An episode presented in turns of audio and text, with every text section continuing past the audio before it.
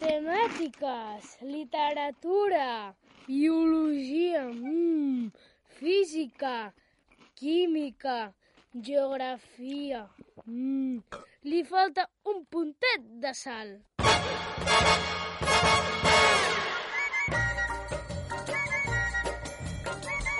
Molt bones, amics! Obrim de bat a bat les portes del vaixell del capità Gingebre i disposats a fer una horeta a la mar d'entretinguda. Què farem avui? Doncs ja sabeu, començarem amb el concurs L'olla de grills. Amb cinc nanos, eh, quatre nenes i un nen aquest cop, són més grans del que estem acostumats, disposats a liar-la bé, estic segur. Després us els presento. A continuació, el Contacontes. Avui, la Sònia Roman ens explica un conte de Filipines, el mico i la tortuga, no us el perdeu. A continuació, humor absurd amb la Locreta, que ja us avanço que continua a l'hospital, nois. Està fotuda, encara no pot volar. A continuació, seguirem amb el Campi qui pugui. Avui un reportatge de la Clàudia Hernández i la Diana Vidal. Alimentació sana i responsable pels nens. I per acabar, conversa superinteressant amb la Mare Esteve, directora de l'Escola Lliure a Piquella. Ens explicarà quin és i com funciona el seu projecte i aprendrem maneres de fer educació i pedagogia responsable. Gràcies per acompanyar-nos.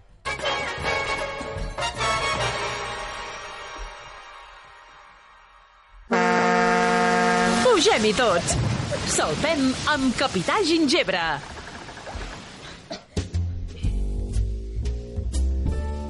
Doncs exacte, com us deia, avui tenim quatre nenes i un nen. Són més grans del que estem acostumats, eh? Perquè aquí tenim nanos més petits i aquest cop han vingut preadolescents gairebé. El Jan... Hola, Jan, com Hola, estàs? molt bé, molt bé. Tu quants anys tens, aleshores? Jo ara tinc 12. 12. És el que t'has eh, anat ingerint totes les assignatures, no? Per què? Que és, no t'agraden o què? Depèn de quina. Matemàtiques no és que m'agradi molt, però la tinc que aguantar. Sí, ens ha passat a tots una mica. Tu a la teva esquerra qui tens? Presenta'ns. Jo, a la Pia. La Pia. Hola, Pia, molt Hola. bones. Tu tens un martell aquí. Per què el vols, aquest martell? Per picar. Per picar, però pic què picaràs? Aquí. La taula. A la taula, fantàstic. I tu presenta'ns qui tens al costat? La Ona. L'Ona, hola, Ona. Hola. Tu tens una trompeta. A veure, fes-la sonar i així sabrem... I presenta'ns qui tens al costat, Tens la sisplau. Clara. La Clara, que us confoc sempre, oi? Clara i Mercè, Mercè, Sí, sí, Clara, sí, Clara, sí. Clara, Clara. Tu què tens per fer-nos? Jo una campana. Una campana, i per què la vols? per tocar-la. Per tocar-la i fer-nos saber que, que creus que saps la resposta dels paranys, oi? I per últim, la... La Mercè. Mercè, un xiulet, sí? A veure, toca'l. Fantàstic, doncs ja està. Hem, hem de Ha patir... sonat, ha sonat. Sí, eh, tu, Jan, t'hauràs de pujar una mica més al micròfon, d'acord? Que Vale, tens vale. una mica massa baix. Val, doncs escolteu, exacte, ja sabeu com va, eh? Sentirem paranys sonors, quan cregueu que sabeu la resposta, feu sonar el vostre instrument, us dono pas, intenteu encertar i podeu utilitzar una única vegada el cop de mà. En què consisteix? Que un dels adults que us ha acompanyat entri i la liï aquí amb nosaltres, eh? Perquè la cosa és si la sabrà o no la sabrà resposta als adults. Ja ho veurem, ja ho veurem una mica més tard. Al final ens enduem tots unes postres delicioses de la pastisseria Unyó, que està al carrer de la Riera 84 86. Ah, sí, ja tenim ganes, sí, sí. A mi també em passa això. Ja començar a parlar dels pastissos i ja me'ls voldria menjar aquí mateix. Va, doncs, nois, preparats? Perquè avui, a l'olla de grills...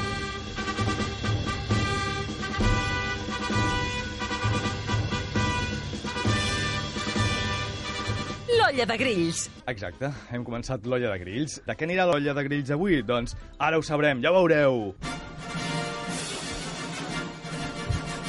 Què? De què creieu que anirà amb aquest so? No? No ho sabeu? Doncs és del món del cinema, amb tota la seva màgia, les cançons... No? No? Creieu que no, no és l'encertat? Doncs sí, sí, sí, xulíssim. A que sí? Sí, en tot, eh? Màgia, cançons, nostàlgia del passat, incògnita del futur. Va, doncs, anem a sentir el primer parany d'avui, d'acord? Atenció, per utilitzar els vostres instruments. I digueu-me, si us sabeu, quins dos superherois són protagonistes en aquesta pel·lícula? Bruce Wayne frente a Clark Kent. Ah, me encanta, me encanta juntar a las personas. ¿Qué tal? Lex. Hola, ¿qué hay? Lex es un pla... Oh, vaya menudo apretón de manos. Yo no me metería con él.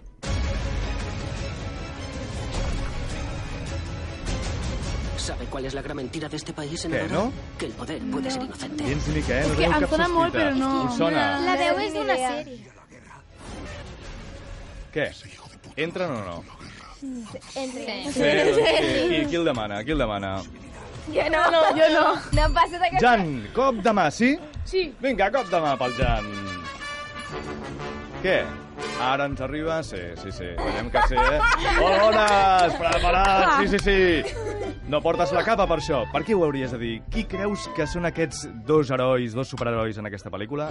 Jo crec que un és conegut per portar els calçotets per fora Sí? I l'altre és més d'hàbits nocturns, no sé. Sí. No m'acaba de sortir el nom, però és una guerra... Però ho has de dir. entre- Eh? Entre Capità Calçotets, Ai! Superman i... Superman... Contra... Batman? Exacte, contra Batman. Ho hem encertat de tot. Fantàstic. Moltes gràcies. Això és Batman, eh? Sí, sí. Montana. És una pel·lícula que van fer tots dos junts, ara. Em sembla que és bastant Sí, recent, eh? Eh? Sí. Sí, jo la vaig anar a veure, però no me'n recordava. Ai, vaja, Ah, en realitat aquests dos personatges originalment són de còmic, eh? una mica vells ja, són, perquè van néixer als anys 30 del segle passat, imagina't. I tots dos publicats a la revista Detective Comics, als Estats Units, com sempre. Tot, eh, les coses així espectaculars neixen allà. Van tenir tant d'èxit que encara els tenim avui per divertir-nos. Va, doncs passem al segon per any. Ara anem enrere en el temps i toquem un altre ce- gènere cinematogràfic. A veure què passa amb aquesta, eh? Potser ha d'entrar algú més, també. És un gènere que sempre ha existit. Quin és aquest? Doncs els musicals. Els musicals. Segon per any, poseu en marxa les vostres neurones, d'acord, i la màquina del temps. Endevineu quin és aquest popular musical de cinema. Molt antic, això. Ai, no, però no sé com es diu. Heidi! No, no, no. No, no és que... Va, seguim. No, no, no són els senyors Clara. de Toro. Mira, jo me'n recordo. Pia. Mary Poppins? No, no, No, no, eh, que són molts germans. Gairebé, gairebé, perquè l'actriu és la mateixa. Són molts germans, Sí, són molts germans. I hi ha una, el, del gran al petit. I ve una Sí. mainadera a cuidar-los perquè el pare... Però no sé, no sé com es diu. Ah, espera un moment. No, hòstia puta. Perdó, perdó. És com, és com, és com riure i plorar. Tots junts. Sí. Jo no la sé. Ha estat... Uh, Mercè. Exacte, sí. Ha estat la pista definitiva, eh?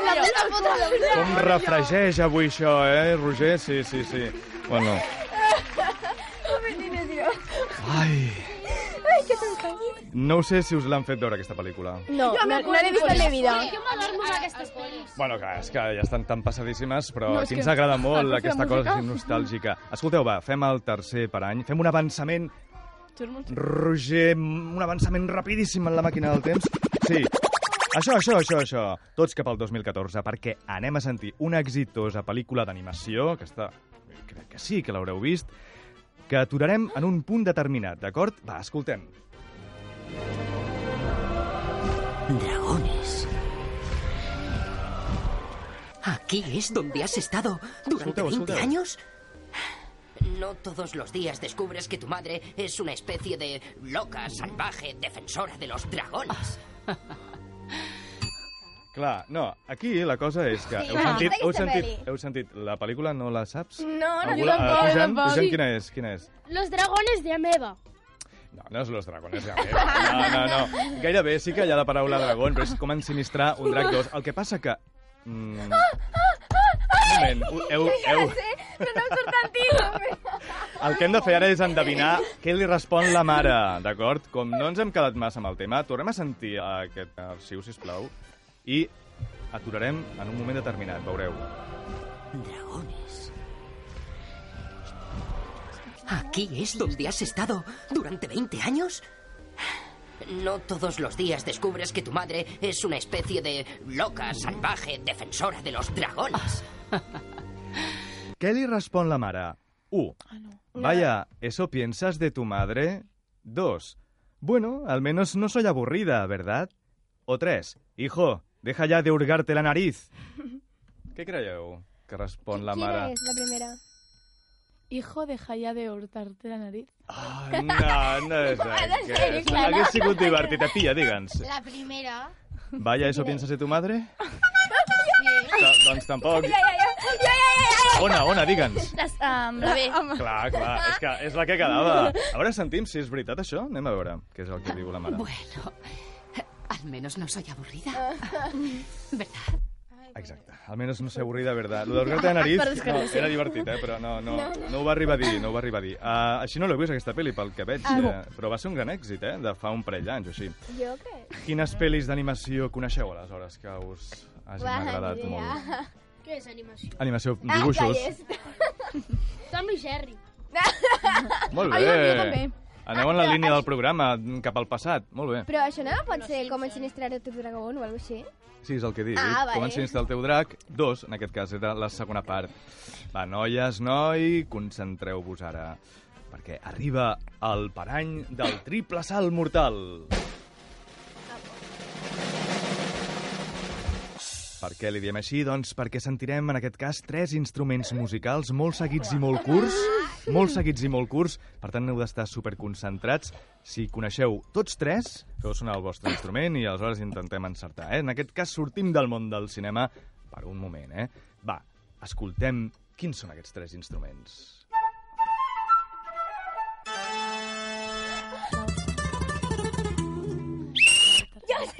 Clara, Mercè, Això era una flauta travessera, sí? també hi havia una guitarra, que era la tercera, Sí? i pel mig... Uh, Jo, jo, jo, hi jo. havia Ho saps o no? un orgue, potser... No, no. Mercè, Clara, Clara, un contrabaix? Ah, no, no. Jan, Jan, digue'ns. Piano de les esglésies. Un altre. Per tant, com se li... Una orga, exacte, una orga, sí. Va, entre tots ho hem endevinat, sí senyor. Tranquil·les que els postres són per tots. D'acord? Um, I ara ha arribat el moment perfecte a l'equador del nostre concurs, d'acord? A la meitat, per celebrar-ho amb la cançó de l'ultratemps. La cançó de l'ultratemps. Ui, quina por. Per què de l'ultratemps? Home, per, doncs perquè ja fa unes quantes dècades d'aquesta cançó. Ja, ja us he dit que anem molt enrere nosaltres i possiblement us soni doncs, a més antiga que Napeu. Però va, digueu-me, a quina mítica pel·lícula musical pertany aquesta cançó? Recordeu el cop de mà, eh?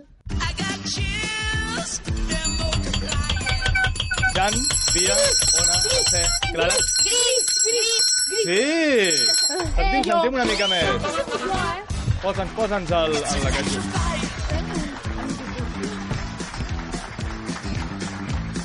A veure, que canti, que canti. Com és que en sabeu? Com és que sabeu d'aquesta pel·lícula? I el meu germà li Perquè és molt famosa. És molt coneguda, és molt coneguda. Molt, molt, molt, molt. Mira, jo, és que Digues, no digues. em dedico a mirar pel·lis, que diguem, oi, papa, m'estàs veient i saps, eh, que no mirem pel·lis a casa. Constantment, no? Pel que veig. No gaire, no. Ah, no? No, de debò? I En això? No... No, tu em dius pel·lis així clàssiques i moltes no les hem mirat. Bueno, ja passa, ja passa això. Hi ha més aficionats o menys al cinema. Què ha hagut aquí? Un... Sí, un, un, un, un, un so gutural? Ah, a un cop amb el cap. Va, escolteu, va. Ah, clar. Per què? Perquè tornem al segle XX. Una mica ja a l'actualitat. Sí, al segle XX tan avorrit. Com aneu de videojocs vosaltres? Videojocs. Ah, bueno, fatal. Malament, malament. Amb la millor Pokémon. Va, sentirem una popular sintonia de videojoc Pokémon ja i si la coneixeu, feu-nos-ho saber, va.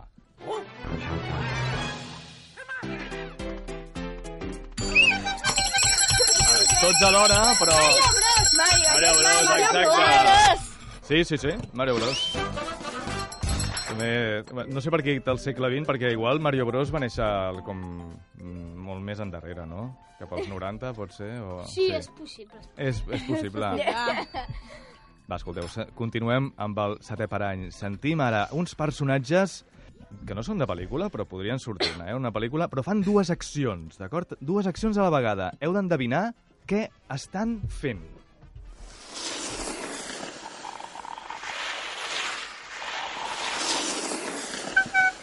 Ona. Què estan fent? Sí, què fan aquí? Bueno, no sé. No. Jan, Jan. Banyant. Esqui. Esquiant, i què més? Hi ha dues accions a la vegada. Ho pots tornar a posar? Ostres, ho estan posant, eh? Ah, vale. I veure un suc. Veure, amb una canyeta. Sí. Esquiar i beure amb una canya. Sí, sí, sí. A veure, m'explica, com ho endevineu, això? Perquè és ell en plan... I, i, i és Eh, que... has, hem d'afinar l'oïda. Sí, no I, però idea. totes dues coses, eh? Havíem d'endevinar, no per separar, no per separar. aquesta a la platja. Jo no la platja. Va, I ara, moment perfecte per enfrontar-nos. No, no, esquiar, no, per enfrontar-nos. Ah, ah, el parany del terror. Yuyu! Sí, de veritat. cinema de terror. Va, doncs apa, sentirem un personatge de pel·lícula i m'heu de dir quin mític personatge de pel·lícula de terror és aquest. Jo us posaré unes quantes opcions, eh? És un zombi, és el comte Dràcula, és l'home llop o és un extraterrestre?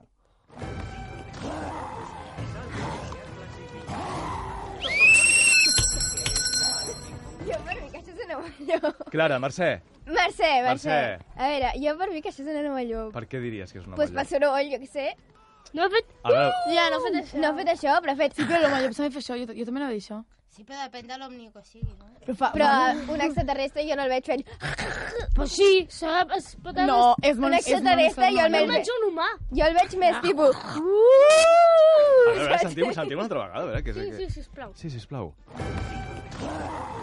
És un home llop. Sí, És és un home llop, llop. és un home llop. Clarament, sí És un senyor, és un home llop, en aquest cas, concretament, de la pel·lícula titulada tal qual, eh? L'home llop, interpretat per Benicio del Toro.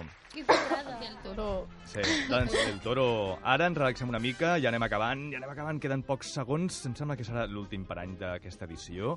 I a veure si em podeu dir a quins dibuixos pertany aquesta sintonia i en quin idioma, sobretot, eh? Si no sabeu l'idioma, en quin idioma canten.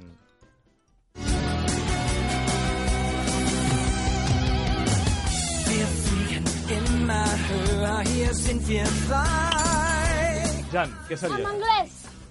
Escolta una mica millor, va, va, va, va, afina, afina.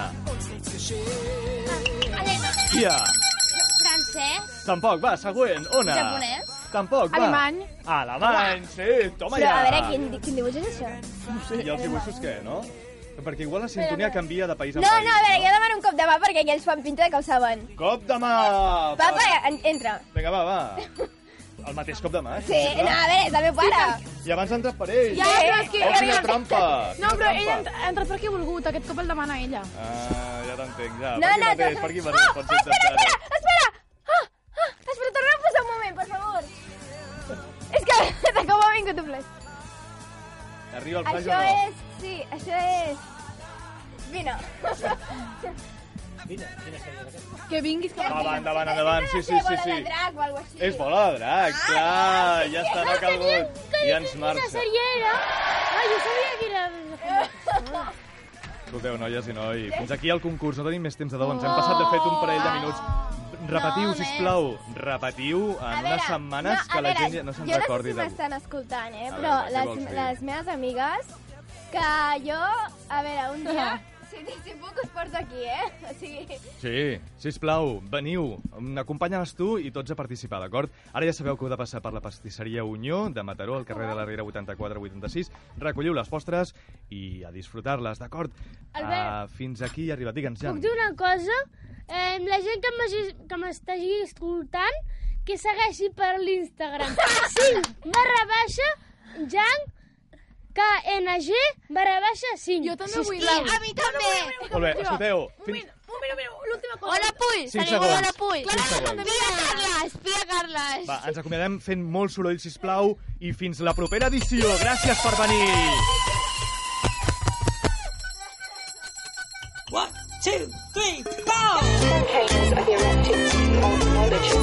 Concursos, contacontes, entrevistes, reportatges... Capità Gingebre. Pur divertiment.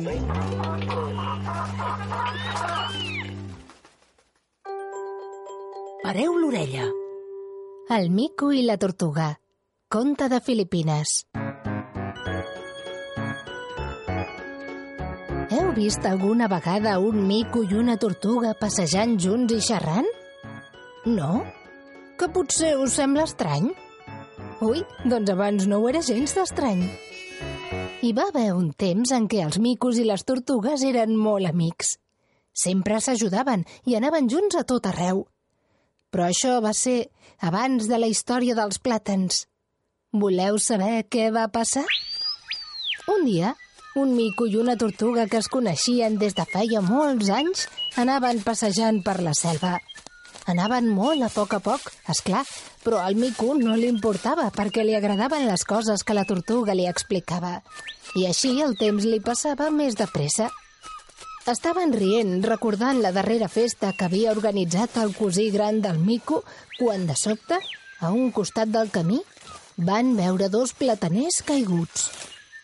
Mira, va dir la tortuga, sembla que el vent els hagi arrencat i els hagi tirat a terra. Pobres arbres, què et sembla si els tornem a plantar? El mico, que era un golafre, hi va estar d'acord. Perfecte, així quan tornin a donar plàtans ens els podrem menjar. Van passar tota la tarda fent forats a la terra prou grans per poder ficar-hi aquells arbres. I els va suposar un esforç molt gran aixecar-los, però finalment van aconseguir replantar-los. Durant les setmanes següents es van dedicar a cuidar-los, tot assegurant-se que tinguessin prou aigua. A poc a poc, els arbres es van anar recuperant i un bon dia a la tortuga li va semblar veure els primers plàtans. Mira, ho hem aconseguit. Hem salvat els arbres i ara ja ens donen plàtans. Què et sembla si ens els mengem? Aquella era la millor idea que el mico havia sentit mai. Que què em sembla? Perfecte! Tinc tanta gana que em menjaria un lleó. Saps què farem? Com que hi ha dos arbres, tu et menges els plàtans d'un i jo els de l'altre. A la tortuga li va semblar una bona decisió i el mico de seguida es va enfilar un dels arbres. No feia ni dos minuts que havia començat a mastegar un plàtan que va sentir la tortuga que el cridava des de baix. Ei, amic, no t'oblidis de mi. Recorda que jo no em puc enfilar als arbres perquè la meva closca pesa massa i tinc les potes molt curtes. Per què no em baixes els plàtans del meu arbre i després segueixes menjant? Molt bé, amiga. Espera que m'acabi aquest plàtan i de seguida et baixaré els teus. Però quan es va acabar aquell plàtan, se'n va voler menjar un altre, i després encara un altre, i un altre, i un altre, fins que no en van quedar més. Va, mico, que jo també tinc molta gana. Què fas que no em baixes els meus plàtans? Ara mateix, no t'impacientis. És que estic fent la digestió dels meus plàtans i ara no em puc moure gaire. Però mentre deia això, el mico saltava a l'arbre que li tocava la tortuga. Encara li quedava una mica de gana i va pensar que si es menjava un plàtan de la seva amiga no passaria res, perquè ella ni tan sols se n'adonaria. És segur que la tortuga no se n'hauria adonat que li faltava un plàtan, però és que el mico no en va tenir prou amb només un plàtan, i quan va voler aturar-se, ja se'ls havia menjat tots. La tortuga, farta d'esperar, es va separar del tronc de l'arbre per veure què feia el mico, i aleshores va descobrir que el seu amic s'havia menjat tots els plàtans. Però, mico, què has fet? va dir cridant. Com t'has pogut menjar els meus plàtans? Que no érem amics, tu i jo? El mico va baixar de l'arbre i es va intentar disculpar, encara que sabia que la tortuga tenia tota la raó del món. Però, és clar, eren tan bons els plàtans? Això que has fet no t'ho puc perdonar, va continuar la tortuga. Ja no confio en tu i ja no vull que ens tornem a trobar mai més. Et proposo que fem una cursa. El que guanyi es quedarà amb els dos plataners i el que perdi haurà de marxar per sempre més. Però, Tortuga, com pots proposar-me una cursa a mi? Corro 20 vegades més de pressa que tu. Quan tu acabis de sortir, jo passaré per la línia d'arribada. Em sembla que hi sortiràs perdent i te'n penediràs. Ja veurem qui es penedeix de què. Prepara't, perquè comença la cursa. El primer que arribi a l'arbre gran haurà guanyat. A la una, a les dues i a les tres. El mico va sortir esperitat. La tortuga es va posar en marxa, a poc a poc, sense atabalar-se. Al cap d'uns minuts, el mico es va girar. Com havia suposat, no hi havia ni rastre de la tortuga. Aquesta tortuga s'ha tornat boja. Mira que pensar que em podria guanyar en una cursa, però si trigarà dues hores només per arribar fins aquí. Em sembla que com que tinc molt de temps aprofitaré per fer una petita becaina, perquè els plàtans que m'he menjat m'han donat una mica de son. I mira que eren bons els plàtans. Dit i fet, es va posar a l'ombra d'un arbre i al cap de cinc minuts ja se'l podia sentir roncar. Mentrestant, la tortuga anava fent. Al cap de les dues hores que havia previst el mico, el va avançar. Ho va fer sense soroll i va seguir el camí de l'arbre gran. Un parell d'hores més tard, el mico es va despertar. En veure que ja gairebé no hi havia sol, va pensar que devia haver dormit molt. Potser massa i tot. Es va posar a córrer de nou i aviat va veure la tortuga davant seu. Et penses que ets molt llesta? Has aprofitat que m'he quedat adormit, però ara ja no hi tens res a fer. Aquesta cursa la guanyaré jo. I dit això, va agafar la tortuga i la va llançar al riu. Però amb aquest gest va demostrar que el que no era gaire llest era ell, ja que la tortuga nadava molt més de pressa del que ell corria i d'aquesta manera va arribar abans que ell a l'arbre gran. La tortuga havia guanyat la cursa i ell no hi podia fer res. A partir d'aquell dia no se'l va veure mai més i la tortuga es va quedar amb tots els plàtans. És clar que encara necessitava algú que els hi baixés.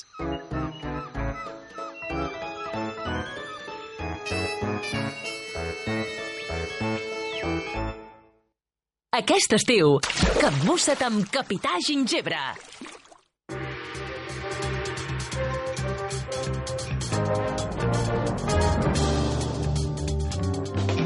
Locreta la indiscreta al rescat.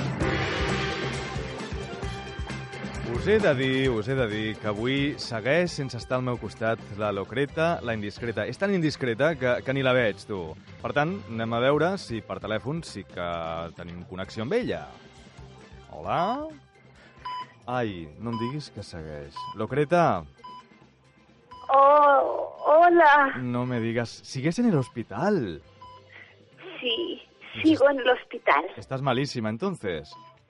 Mm, no tanto, pero me estoy empezando a entretener aquí en el hospital. ¿Cómo está tu pie y tu dedo importante del pie? El dedo importante está un poco mejor, bastante mejor. Cuánto me alegro. A mí lo que me extraña es que estando en un hospital público de la seguridad social y sabiendo cómo funciona en este país esto, te dejen estar, ¿no? Y sabiendo que tú estás, estás mejor. Ay, es que como yo me estoy divirtiendo tanto acá, porque me voy dando cuenta que los niños necesitan de la superheroína, la indiscreta, Sí, sí. para conversar, para sonreír. Entonces, cada vez que vienen esas enfermeras con sus ropitas tan bonitas, a curarme el dedo de mi pie importante, o el... Sí, sí, sí, ese. Yo mm, hago como...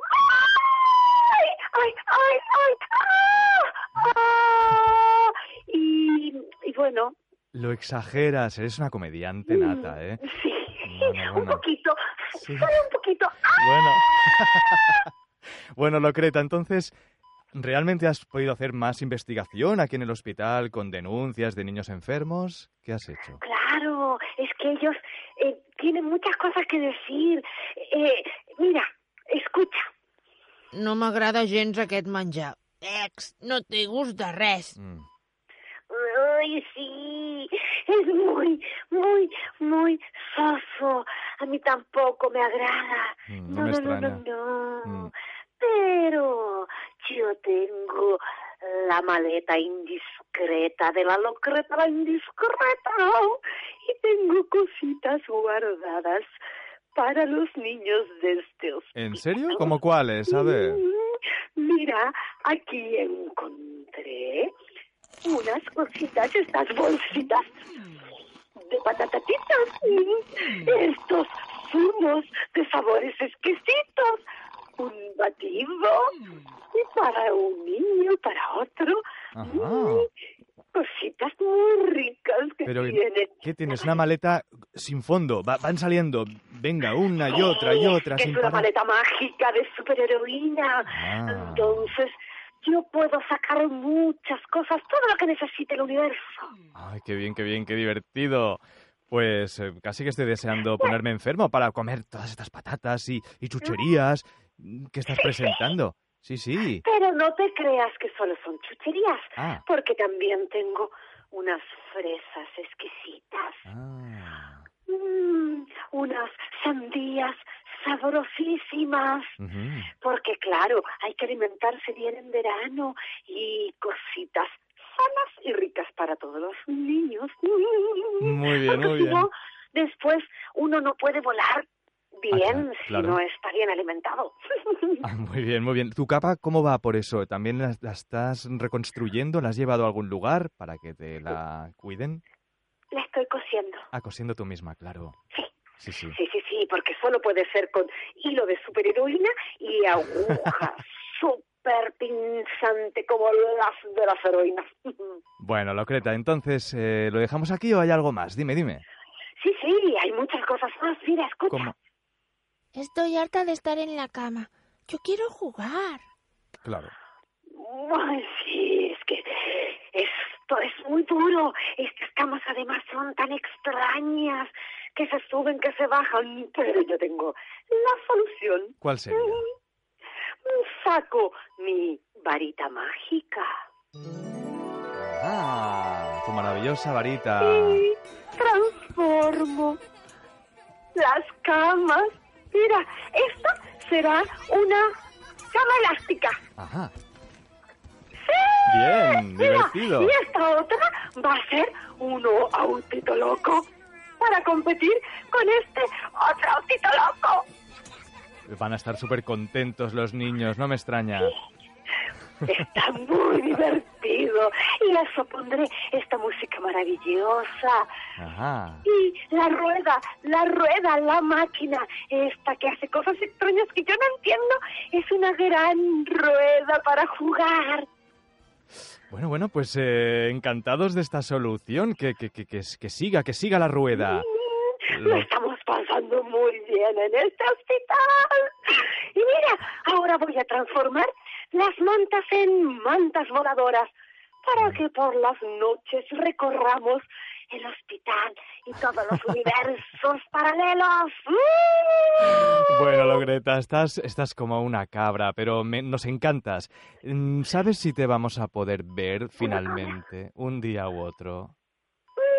Claro, que Sí. me podrán ver si miran al cielo. Ah, Yo cielo. estoy por ahí. Muy Y bien. Tú te refieres a que me extrañas ahí Sí, cerquita de sí, ti, te sí, no te quieres comprometer, ¿eh? Mm, a yo ver cómo... también te extraño. Debo reconocer que yo también te extraño. Ah. Así que pronto iré a estar contigo y seguiré volando por el mundo ayudando a todos los niños del universo. Muy bien, Locreta, pues ya ves que mm, te estamos, te estamos despidiendo ¿eh? con esta sintonía. Nos hemos pasado muy bien contigo. Gracias por tu aportación. Y, en fin, lo que puedo decirte es que queremos que regreses, pero tú misma, ¿eh? No quiero presionar. Tú misma. Sí, sí, sí, nos vemos. Locreta la indiscreta al rescate.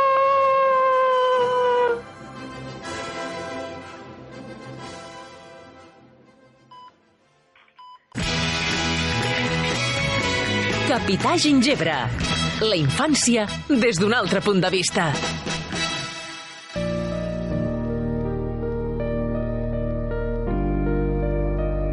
La conversa. Avui a la conversa ens acompanya la Mare Esteve. Ella és doctora en Pedagogia, professora als Estudis d'Educació de Blanquerna, Universitat Ramon Llull, i a més a més és la directora de l'Escola Piquella. És una escola diferent aquesta, és de les anomenades Lliure, amb un projecte educatiu nou, molt interessant, i que amb la Mar avui intentarem explicar en què consisteix. Hola Mar, què tal, com estàs? Molt bé, bona tarda. Bona tarda. Explica'ns una mica l'origen d'aquest projecte.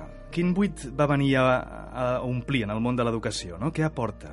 Uh, quan vam iniciar aquest projecte, més que la idea de- d'omplir un buit, en el sentit d'estudiar el mapa o estudiar què falta, no? que això seria una mentalitat, podríem dir, més empresarial, no? gairebé, uh, jo em dedico a l'educació, em dedico a la formació de mestres i, per tant, em dedico també a la reflexió pedagògica. I per mi uh, tenia molta importància la idea de fer coses pràctiques, de fer coses reals. Eh? Estava en un context en el qual hi havia molt discurs, moltes propostes, hi havia una inflació de discursos i una mancança de testimonis i d'experiències pràctiques reals que funcionessin. I aleshores, per mi, va tenir molt de sentit eh, començar una escola i fer l'exercici mental de dir si haguéssim de començar una escola des de zero, que això és un regal, eh, eh, com ho faríem? Què prioritzaríem? Què és el més important? També és un repte preciós que un mestre arribi a una escola que fa molts anys que funciona i intenti fer-la viva, que tingui sentit... eh? Però en el nostre cas, en aquell moment, l'aventura va ser aquesta, fer una cosa real, pràctica, que impliqués un canvi i que pogués ser, d'alguna manera, des dels marges, allò que diuen de la fecunditat dels marges, una cosa que està als marges, però que pot ser molt fecunda pel camí, pel centre. Per cert, Apiquella, quin significat té? Apiquella és una paraula que ve del grec, de fet és una paraula grega, però que està al diccionari, com una paraula catalana, i apiquella és una paraula que eh, fa referència a l'adaptació a la singularitat dels criteris generals. Eh? Per exemple, Aristòtil es veu que la utilitzava quan parlava de la justícia, perquè també és un criteri que s'utilitza en l'àmbit de la justícia, uh -huh. i deia que el bon jutge no només és el jutge que se sap totes les lleis i les aplica, diríem, de manera indiscutible i, i, i, i adequada a la normativa, sinó que és el jutge capaç d'adaptar la norma general a la particularitat de la situació. Mm -hmm. I deia Aristòtil, el jutge que no té això és un jutge injust. Per tant, no podem educar sense atendre a la singularitat de cada nen, a la particularitat de les situacions, i aquesta és la idea de Piqueia. Perquè, clar, a mi una mica el que em ve ara és preguntar què és el que naturalment un infant i quines potencialitats té, que molt sovint els adults oblidem, no? Què és el que ignorem, però hi és en l'infant? Home, en l'infant hi ha molt, hi ha molt, i tendim a pensar que hi ha menys, eh? i que nosaltres ho hem de posar tot. Per tant, que nosaltres l'hem de motivar, que nosaltres l'hem de dirigir, que nosaltres l'hem de proposar. Eh? I per nosaltres l'acció educativa sempre ha de ser una acció més aviat de resposta, no d'iniciativa. És a dir, és l'observació del nen la que t'indica què és pertinent dir, què és pertinent proposar, què és pertinent fer. Eh? Però sempre hi ha, hi ha d'haver una observació de què hi ha allà, què s'està movent, quin interès hi ha, quin moviment hi ha. El nen doncs, és un ésser preparat per créixer, per aprendre, no? de manera natural. Ara bé, també s'ha de dir que sense nosaltres tampoc aprendria. Eh? Uh -huh. És a dir, aquesta idea que el nen aprèn sol no només pot ser una, una idea ingènua, sinó que jo crec que és una idea falsa. És a dir, el nen aprèn perquè viu en cultura i perquè viu amb els altres. Eh? I també som necessaris. Al fil d'això, sabem que l'escola no, no està organitzada per cursos, oi? Sinó que estan repartits d'una altra manera els nens, en, en altres tipus de grups. Explica'ns una mica això i què aconseguim amb aquest funcionament. Sí. A veure, l'escola eh, ordinàriament està distribuïda per cursos eh? i als nens d'una edat els toca doncs, anar en un grup determinat.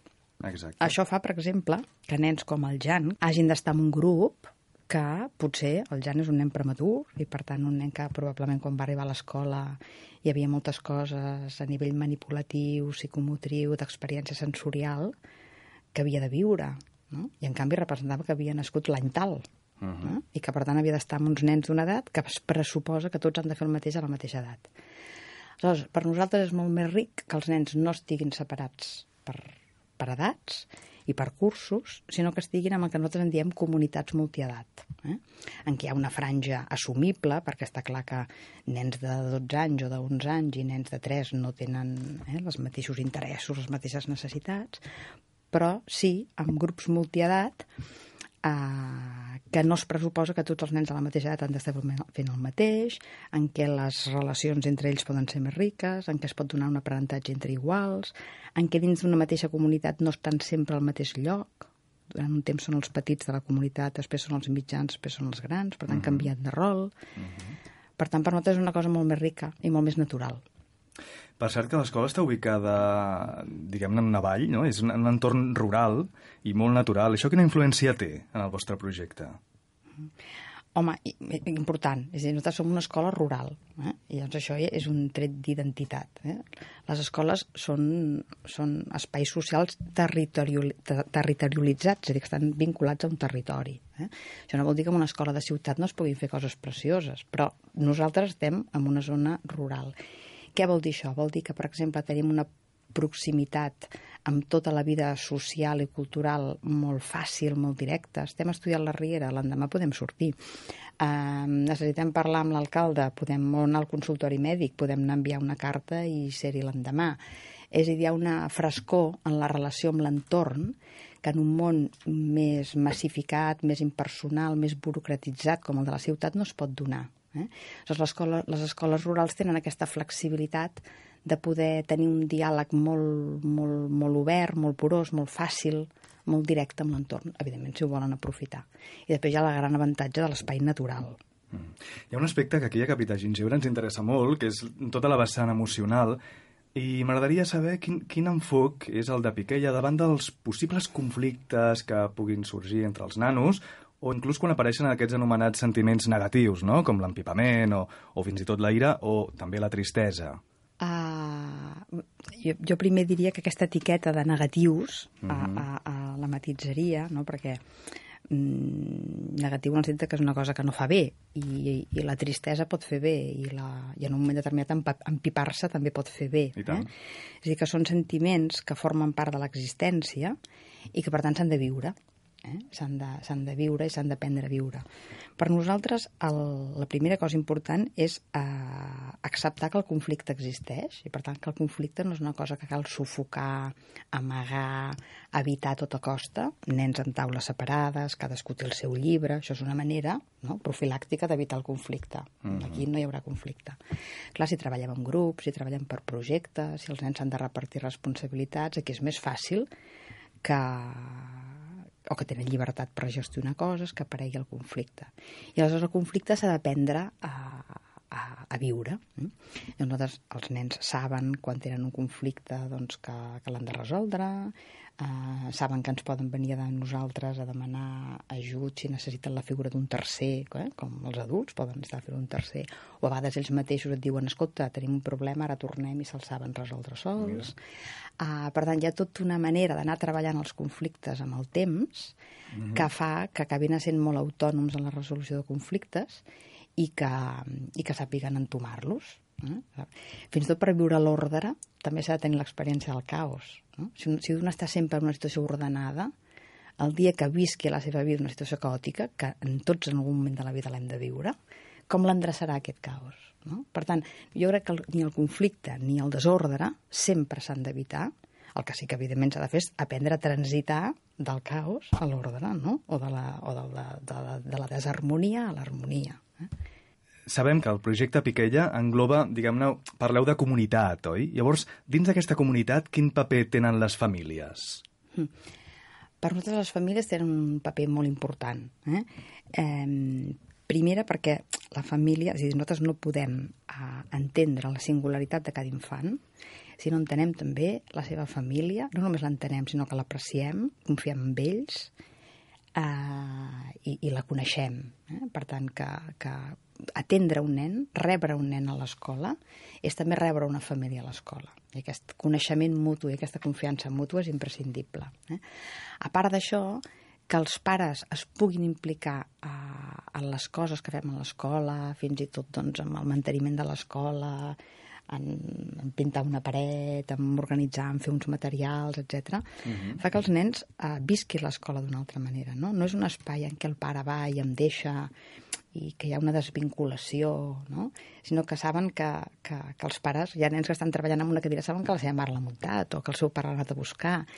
I, per tant, la sensació que el que, que el que tenim allà és de tots, que tothom hi ha posat alguna cosa, que els pares hi han posat un esforç. Fins i tot a nivell testimonial, pels infants és una cosa molt rica, veure que els pares poden viure en comunitat amb altres pares. Per tant, fer aquesta experiència de, és com un eixamplament de cercles, no? El cercle dels nens, el cercle dels pares, el cercle del poble, i, i aquest eixamplament de cercles que estan eh, concèntrics de- d'experiència comunitària, per nosaltres és molt important de, de viure-la. Hem vist que al vostre, al vostre web parleu d'uns quants conceptes relacionats amb, amb el projecte Piquella i, mm, va, farem com una mica de pluja d'idees i em vas donant 5 cèntims de cada una, et sembla? Sí. Per exemple, el joc. Bàsic, imprescindible, necessari. per viure, com respirar. Eh? Uh, pels nens el joc és una, uh, és una forma d'expressió i d'experimentació espontània importantíssima.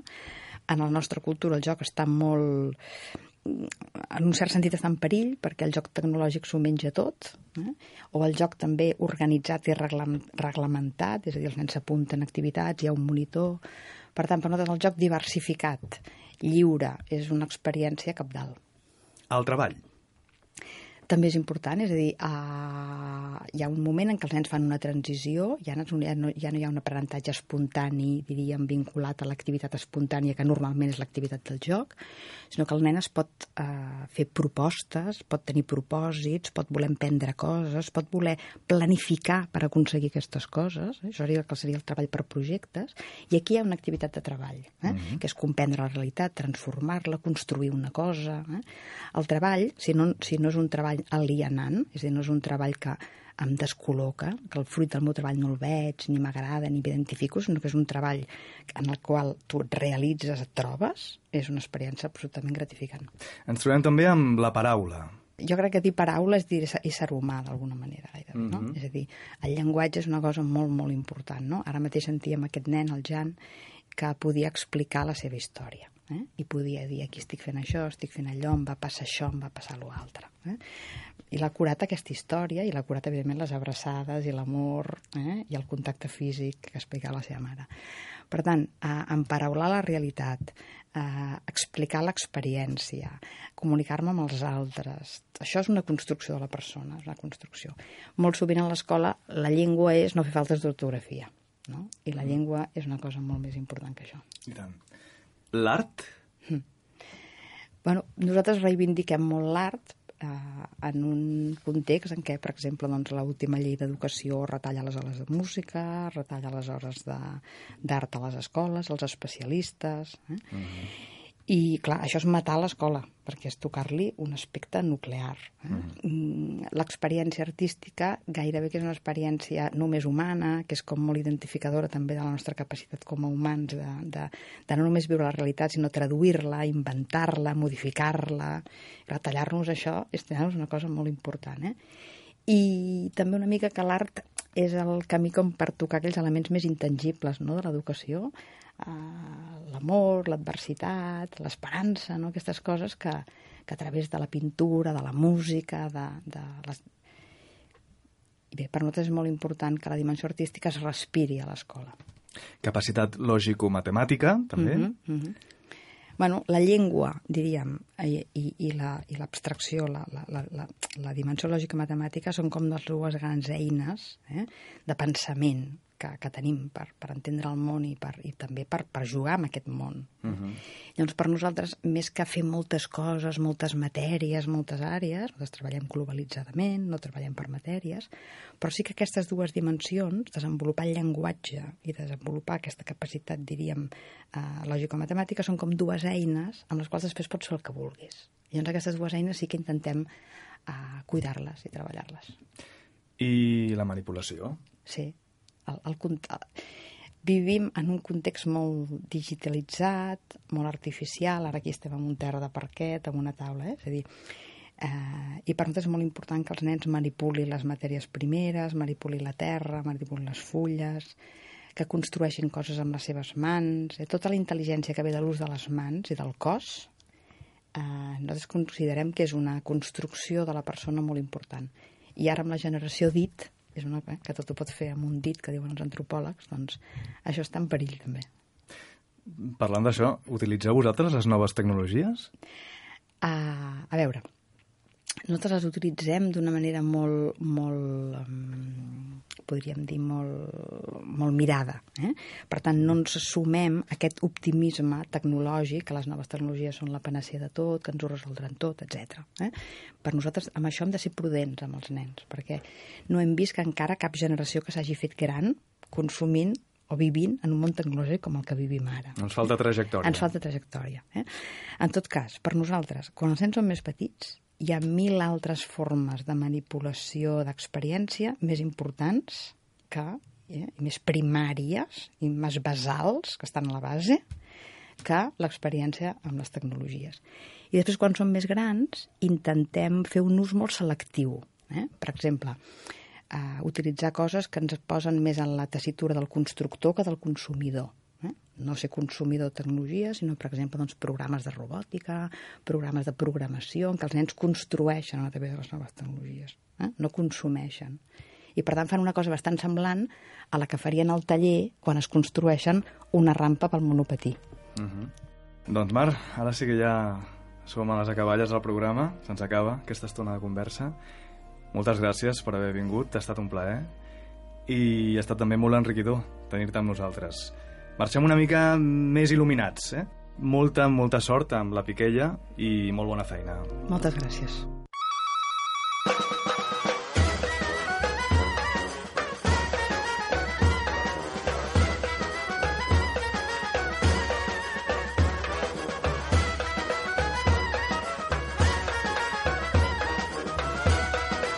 I fins aquí el viatge d'avui. Per nosaltres ha estat un autèntic plaer. Esperem que us hagueu divertit i també que hagueu après coses, eh? Avui hem fet Capità Gingebre, el Jordi Pasqual a la postproducció, el Roger Cuixart, al control de so, i qui us parla, l'Albert Cortés. Molt bona setmana, una forta abraçada.